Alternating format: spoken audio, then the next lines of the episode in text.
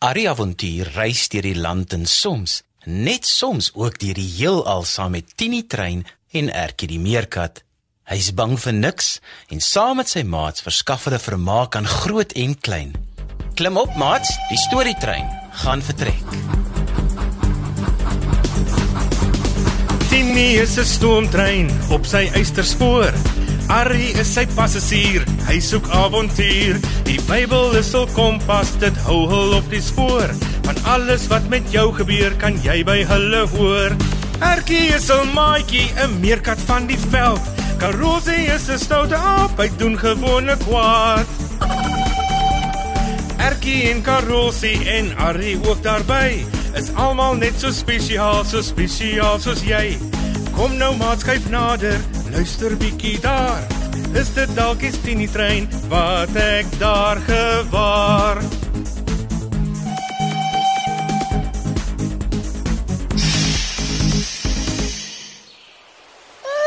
Sjoekas, nou het ek dan om lekker geslaap. Dit is eintlik lekker om 'n bietjie terug te wees by die huis en te help met al die gewone werkies. Hy ta praat jy alweer met jouself, Weerkat? Karosie, vir wat alweer skrik? Ag nee, wat? Ek is al vroegoggend klaar. Nou sit my familie net in vloeie soek op mekaar. Hm, ek kan dit net sowel hier kom doen. Vergeet dit, Karosie, hou jou pote van my af. Laas jy gemaak het of jy my vloeie soek, het jy my vreeslik seer geknyp. Jy kan maar vloeie op my soek. Karosie, ek is besig met belangrike werk. Hm, kan jy nie sien nie? As ek konsentreer om vloeie na die boskaas van jou te kry, dan sien ek net nou nie as ek my familie te gevaar moet waarsku nie. Man, as ek daar by die huis is, is my ma heeltyd besig om my ore af te preek oor skoolwerk en sy vra my aan mekaar hoekom ek nie gaan oefen vir die bakleierery op tropleier te word nie. So, hoekom moet sy nog oor jou skoolwerk preek? Om Koos het jou mos daarmee gehelp. Mos vir Arrie beloof, ons gaan van nou af mooi ons skoolwerk doen. Ja, Ertjie, maar my ma weet mos nie daarvan nie. O, Duh. uh, ja. Dis ook nou weer waar. Hmm. So miskien moet jy net kans gee om te sien vir haarself. Dit nou. Moenie so 'n sissie wees nie. Jy kan 'n bietjie preek oorleef. Ag, okay, Ertjie, ek sal waai. sien jou later.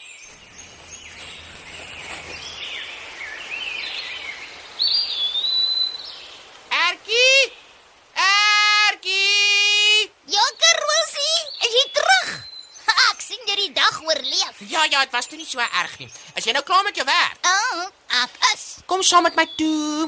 Ek het bietjie by die hek gaan verken na my werkies klaar was en toe sien ek iets anders. Ja. Hm, Ek weet hulle mag nie die diere voer nie, maar daar was 'n mens ook by die hek. Hy lyk of hy al lank daar sit en hy lyk asof hy ook vir kos vra. Shame, hulle voer hom ook nie. Hy regtig Karosie. Sit hy net daar? Ja. Is jy seker dis een van hulle? Dalk is dit sy werk om daar te sit. Dalk vra hy hulle of hulle betaal het om by die park in te kom. Nee, ek ken daardie mense. Hulle het sulke klere aan wat dieselfde lyk. Hulle sit binne in daardie klein huisies waar hulle die hekke oop en toelaat gaan en hulle jaag my gewoonlik weg van die karre af. Aardwurms en sonbesies. Gaan wys my Karosie. Sien jy? sien jy Ertjie daar? Daar aan die ander kant sit hy. O, ek sien nou ja.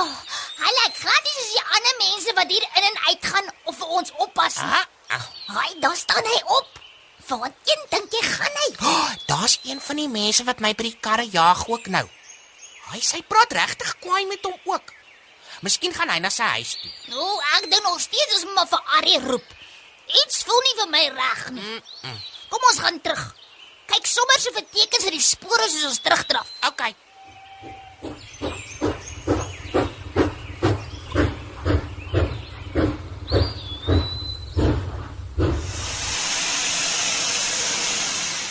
Hallo oudjies. Ons het mekaar mos oor 'n paar dae sien. Wat's fout? Julle lyk nou so bekommerd. Hallo Ari. Die mense by die hek gee nie vir my kos nie. Laat ek liewer die praatwerk doen, Karoos. Dis mos nou nie waar ons vir Arrie hulle geroep het nie. Jammer, ons was so besig dat ek nie besef het hoe honger ek alweer is nie. Gaan kyk daar in Tini trein Karolsie. Ek seker daar is iets lekkers vir jou om te eet. Uh, dan vertel Ertjie so lank vir my wat aangaan. Okay. Haai Arrie, ek besef nou net eers jy kan in groot moeilikheid kom. Jy voer ons en jy mag nie. Dis in die park se reëls. Ja, jy's seker reg, Ertjie. Ja. Uh, gelukkig is dit kossies wat julle magies aan gewoond is. So uh julle sal nie siek word daarvan nie en dit is eintlik net wanneer julle nie tyd gehad het om self kos te kry nie, want julle was besig met 'n avontuur saam met ons. Het dit iets te doen oor waarom julle ons vroeër teruggeroep het? Ja, ag, jammer Ari. Nou maak ek nes karosie. Ja, jy weet mense mag nie die diere hier voer nie, mm -hmm. maar ek in karosie is seker ons het 'n honger mens gesien wat by die hek sit en hulle voer hom ook nie. Ek sien. Is hy nog daar, Ertjie? Hy het nou opgestaan en weggeloop. Ons weet nie waar hy nie, maar die dorp is ver van hier en hy het nie 'n kar gehad nie. Dit klink vir my asof jy 'n bedelaar gesien het. Dis vir my vreemd dat daar iemand so ver van die dorp af sal kom bedel, maar daar sal ook 'n rede voor wees. Oh, wat is 'n Wat is 'n bedelaar, Ari? Ag nee, sis. Moenie so met jou mond vol kos praat nie. Ag man, Dit is gewoonlik iemand wat nie dit wat hy nodig het om te leef kry of kan kry deur 'n werk wat hy doen. Dan vra hy ander mense vir kos of geld of klere. Hy bedel dit by hulle. Hmm, dit klink nie lekker om 'n bedelaar te wees nie, Ari. Het bedelaars huise? Hmm, gewoonlik nie. Daardie man slaap seker elders buite. Gelukkig slaap hy dan buite die park. As hy in die park slaap, sal die leeu's hom sekerlik eet. Kan jy hom help, Ari? Uh, ek kan probeer, Ertjie. Ons kan môre met hom gaan praat. Ooh, ek het eintlik gedink jy en hom kos is sommer dadelik vir hom ook kan kos gee, en miskien 'n plek om te bly en alles wat hy nodig het. Jy weet mos wat mense alles nodig het. Dis baie lief van jou, Ertjie, maar maar dit sal nie alles dadelik oplos nie. Mens raak nie sommer net van een dag na die volgende dag toe 'n bedelaar nie. 'n Klomp dinge moes gebeur voordat hy op daardie punt gekom het. Uh, dit sal beter wees as ek en hom kos eers met hom gaan praat. Maar ek kan julle solank vertel van 'n ander bedelaar wat deur die eerste apostels gehelp is. Goed, Ari, vertel ons asseblief. o ja. Hy het ook by 'n hek gesit en bedel.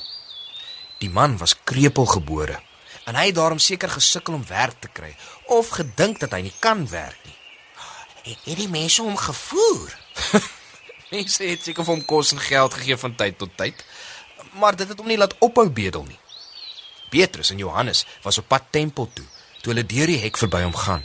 Hulle het hom dan seker ook iets gegee, Ari. Ja, hulle het hom gehelp, maar nie op die manier wat hy gedink het hulle sou nie. Hy het hulle gevra om hom iets te gee en hy het gedink hulle sal vir hom geld gee. Maar hulle het nie. Nou wat dan, Ari? Het hulle vir hom ander klere gegee? Petrus en Johannes het gaan stil staan en hom stip aangekyk en gesê: Ek het nie silwer of goud nie, maar wat ek het, gee ek aan jou. In die naam van Jesus Christus, die Nasareëner, staan op en loop. Maar hy was dan krepeel, Ari. Hmm. Dis bietjie wreed. Hm, nie meer nie. Petrus het sy hand geneem en hom opgehelp. Die man se voete, enkels en bene het dadelik sterk geword. Hy het opgespring en saam met Petrus en Johannes tempel toe gestap. Hy het God die hele tyd geprys.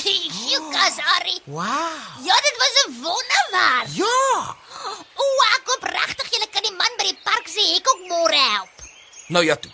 As ons dan sulke groot werk het om môre te doen, moet ons seker nou eers 'n bietjie gaan slaap. Die eerste sterre is al uit. Nag Harry. Nag hom, Koos. Nag die nie trein. Julle môre. Tini is 'n stoomtrein op sy eysterspoor. Arrie is sy passasier, hy soek avontuur. Die Bybel is hul kompas, dit hou hul op die spoor. Van alles wat met jou gebeur, kan jy by hulle hoor. Erkie is 'n maatjie, 'n meerkat van die veld. Karosie is 'n stoute aap, hy doen gewone kwaad. Erkie en Karosie en Arrie ook daarby is almal net so spesiaal, so spesiaal soos jy. Kom nou maat skuif nader, luister bietjie daar. Is dit dalk die Tini trein wat ek daar gewaar? Die avonture van Arrie en Erkie is geskryf deur Elsie Stander. Dit word opgevoer onder spelleiding van Lazelle de Bruin, tegnies versorg deur Neil Roo en vervaar deur Worldwide Media.